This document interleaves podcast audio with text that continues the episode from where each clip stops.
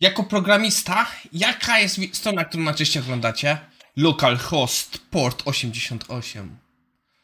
A w dzisiejszym odcinku, czy używać linku Cyberpunk 2077, co poszło nie tak? Czas zacząć!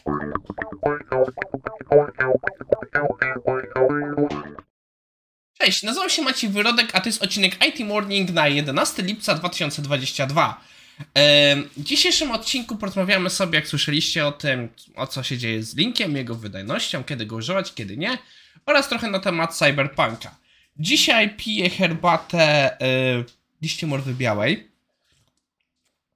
Podobno jakaś zdrowotna, a po prostu była na wierzchu, więc sobie nasypałem. E, jak widzicie, nie mam za dużo do powiedzenia, więc czas zaczynać. Naszym pierwszym artykułem jest dyskusja poświęcona właśnie wydajności linku. Autor jednej z bibliotek. Y, y, Mark Heff jest MVP Microsoftu i między innymi autorem sporo różnych ciekawych bibliotek. bibliotek. I między innymi ma jakiś kurs na ProArtsite poświęcony wydajności, e, ten, e, wykorzystaniu linku.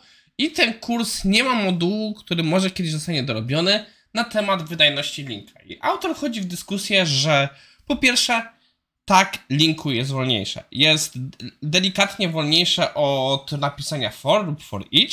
Jak to pokazuje, że składnia select where tutaj trochę miesza. Że nawet e, dokumentacja Microsoftu e, to wyjaśnia. Właśnie sobie świadomiłem, że ja powinienem zacząć od jednej rzeczy. Czym jest linku? Linku w dużym skrócie jest um, czymś rodzaju domain specific language'em, takim fluent interfejsem do e, wykonywania operacji, że po prostu na listach e, wykonywania przeszukiwań, wykonywania różnych z, z operacji. Powoduje to, że to jest o wiele bardziej czytelniejsze i o wiele przyjemniejsze do pisania. Oczywiście ma to swoje konsekwencje trochę wydajnościowe, ale naprawdę z perspektywy utrzymaniowej bardzo często to się opłaca. Um, Przyznam się szczerze, nie jestem świadom jak w innych językach. Wiem, że niektóre mają coś w miarę podobnego, inne nie. Linku i jest zrobiona wersja SQL-owa, że możemy sobie po prostu korzystać z SQL-a i jest linku po prostu pod listę. A tu mi właśnie chodzi mój pies i sobie chodzi z jednej strony do drugiej i właśnie się ustawia, żeby go wypuścić na balkon. Więc w dzisiejszym odcinku będzie wypuszczanie psa na balkon. A jednak nie chce, położył się po prostu pod drzwiami.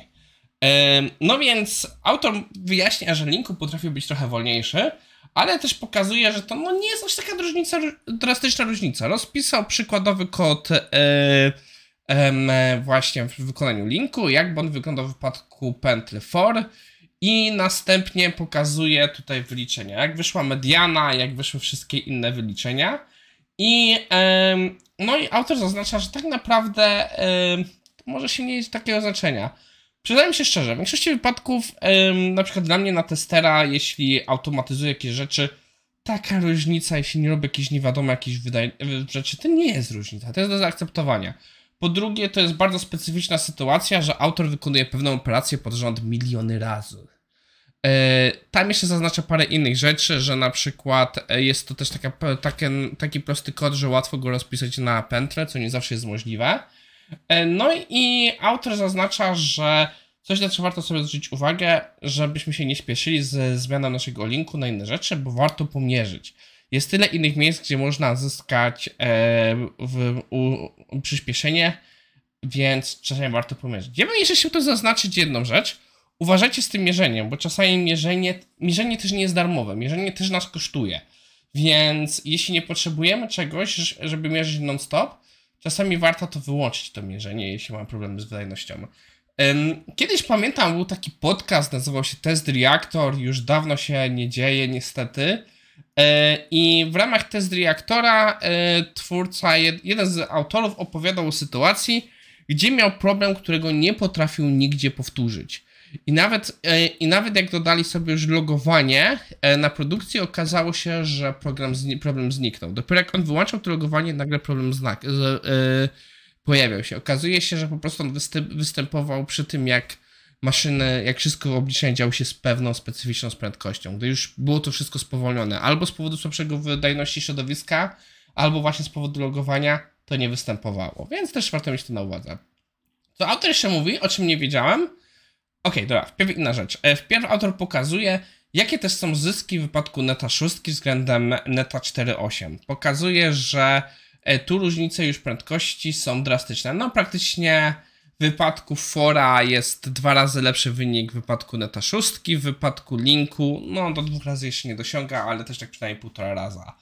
E, dalej wspominam o czymś, co się nazywa P-Linku, e, czyli Parallel Linku. Nie wiedziałem, że coś takiego istnieje. Przynam się, dowiedziałem się z tego e, artykułu, że możemy po prostu wykonać nasze obliczenia równolegle i wtedy działanie równoległe daje o wiele lepsze wyniki. No co też autor zaznacza, że to nie jest rozwiązanie dla wszystkich. Na koniec też zwraca uwagę, że trzeba być świadom, kiedy możemy skorzystać z linku. Że na przykład jeśli mamy jakieś rzeczy, które naprawdę musimy mieć zoptymalizowane super, linku nie jest naszym wyborem. On podaje przykład jakiejś biblioteki muzycznej, którą on robi, że tam, kiedy on korzysta ze super szybkich algorytmów, linku nie ma, systo, nie ma sensu. Jak mamy jakieś biblioteki runtime na przykład w necie, gdzie musimy mieć optymalizację pod niesamowitą wydajność, też to nie ma sensu. Ok. Naszym następnym materiałem jest e, nagrania YouTube, e, z YouTube'a. Kanał e, Upper Echelon tak z dwa tygodnie temu miał e, artykuł Dlaczego nie udało się Cyberpunkowi? I później były dwa follow-up vid videos na ten temat. E, ciekawe, żeby zobaczyć jak sytuacja się rozwinie, zanim tutaj wrzucę. W dużym uproszczeniu autor trochę moim zdaniem błędnie zbudował case, e, bo później on sam się cofał, że nie o to mu chodziło, ale oglądając oryginalne wideo tak odniosłem trochę wrażenie. E, autor, w dużym skrócie, o co chodzi?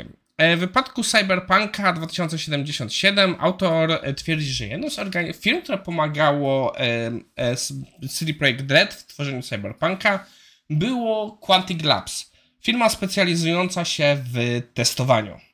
E, I oni tam ogólnie robili im zewnętrzne testowanie. Więc teraz, jak wiecie, zdajcie sobie sprawę, że w wypadku e, Agile'a to jest bardzo złe podejście, mieć zewnętrzny outsourcing do testowania. Czasami się z takich rzeczy korzysta. Sam współpracowałem z firmą Test Army, która się właśnie zajmowała takimi rzeczami. Co prawda nie w wypadku gier, ale ogólnie, że miał się tego outsource, testera. Najczęściej taki tester był częścią teamu, tu jest kompletny outsourcing. I autor pokazuje dużo negatywnych rzeczy, które działy się w tamtej chwili, łącznie z bug quota, czyli testerzy mieli dostarczyć 10 bugów dziennie, co powodowało, że dostarczali same pierdółkowate błędy, bo no nie chce się tracić czasu na znajdowanie czegoś dużego, kiedy po prostu byle jaki minor się kwalifikuje. I autor budował case, że to był problem. No, przyznam się, tutaj muszę zaznaczyć jedną rzecz. Ja obecnie pracuję w firmie Displayed i w firmie jest parę osób powiązanych z CD Projekt Red. Między innymi na CTO był wcześniej w Gogu i nawet w wypadku chyba Cyberpunka pojawia się w napisach końcowych. E, ale nie dyskutowałem z nim, też tutaj nie widzę żadnych sprzeczności e, w tym, żeby o ten temat mówił. Także trochę porozmawiałem z ludźmi, co mają gdzieś są blisko CD Projekt Red i no to, co się pojawiało także w następnych y, nagraniach i co mi tutaj właśnie zapaliło rącz, y, czerwoną lampę, to, że no CD Projekt Red ma własnych testerów w zespołach. Nawet e, znajoma powiedziała, jak i właśnie brat nieraz w, przy okazji Wojeśka i Cyberpunka spał pod biurkiem, jak e, zbliżały się wydania, bo po prostu tak dużo, tak długo testowali. E, ale takie biura jak Quantic Labs pomagają przy testowaniu lokalizacji, testowaniu na różnych konfiguracjach, testowanie w różnych, różnych rzeczach i faktycznie tu dużo się rzeczy działo. E, nie chciałbym, nie do końca się zgadzam, że oni mieli jakiś wielki wpływ na e, fakt, że Cyberpunk wyszedł jak wyszedł, ale no na pewno trochę e, utrudnili komunikację i bardzo dużo rzeczy za, zaciemnili, ale mimo wszystko uważam, że jednak CD Projekt Red ponosi większą winę stan tej gry. E, są dwa dodatkowe wideo, które wchodzą ogólnie w stan Quantic Labu, jak to wszystko działa i dlaczego to jest bardzo niefajne i warto je zobaczyć. Ogólnie ciekawa dyskusja. No więc... Przepraszam. O więc ogólnie e, dzisiaj mieliśmy dwa materiały. Wpierw rozmawialiśmy sobie o linku, później trochę jak wygląda sytuacja ze Cyberpunkiem i różne ciemne akcje, które tam wychodziły, w tym wypadku związane z firmami outsourcingowymi, które wspierały CD Projekt Red. To wszystko na dzisiaj. Mam nadzieję, Wam się podobało. Lajkujcie, subskrybujcie i widzimy się jutro.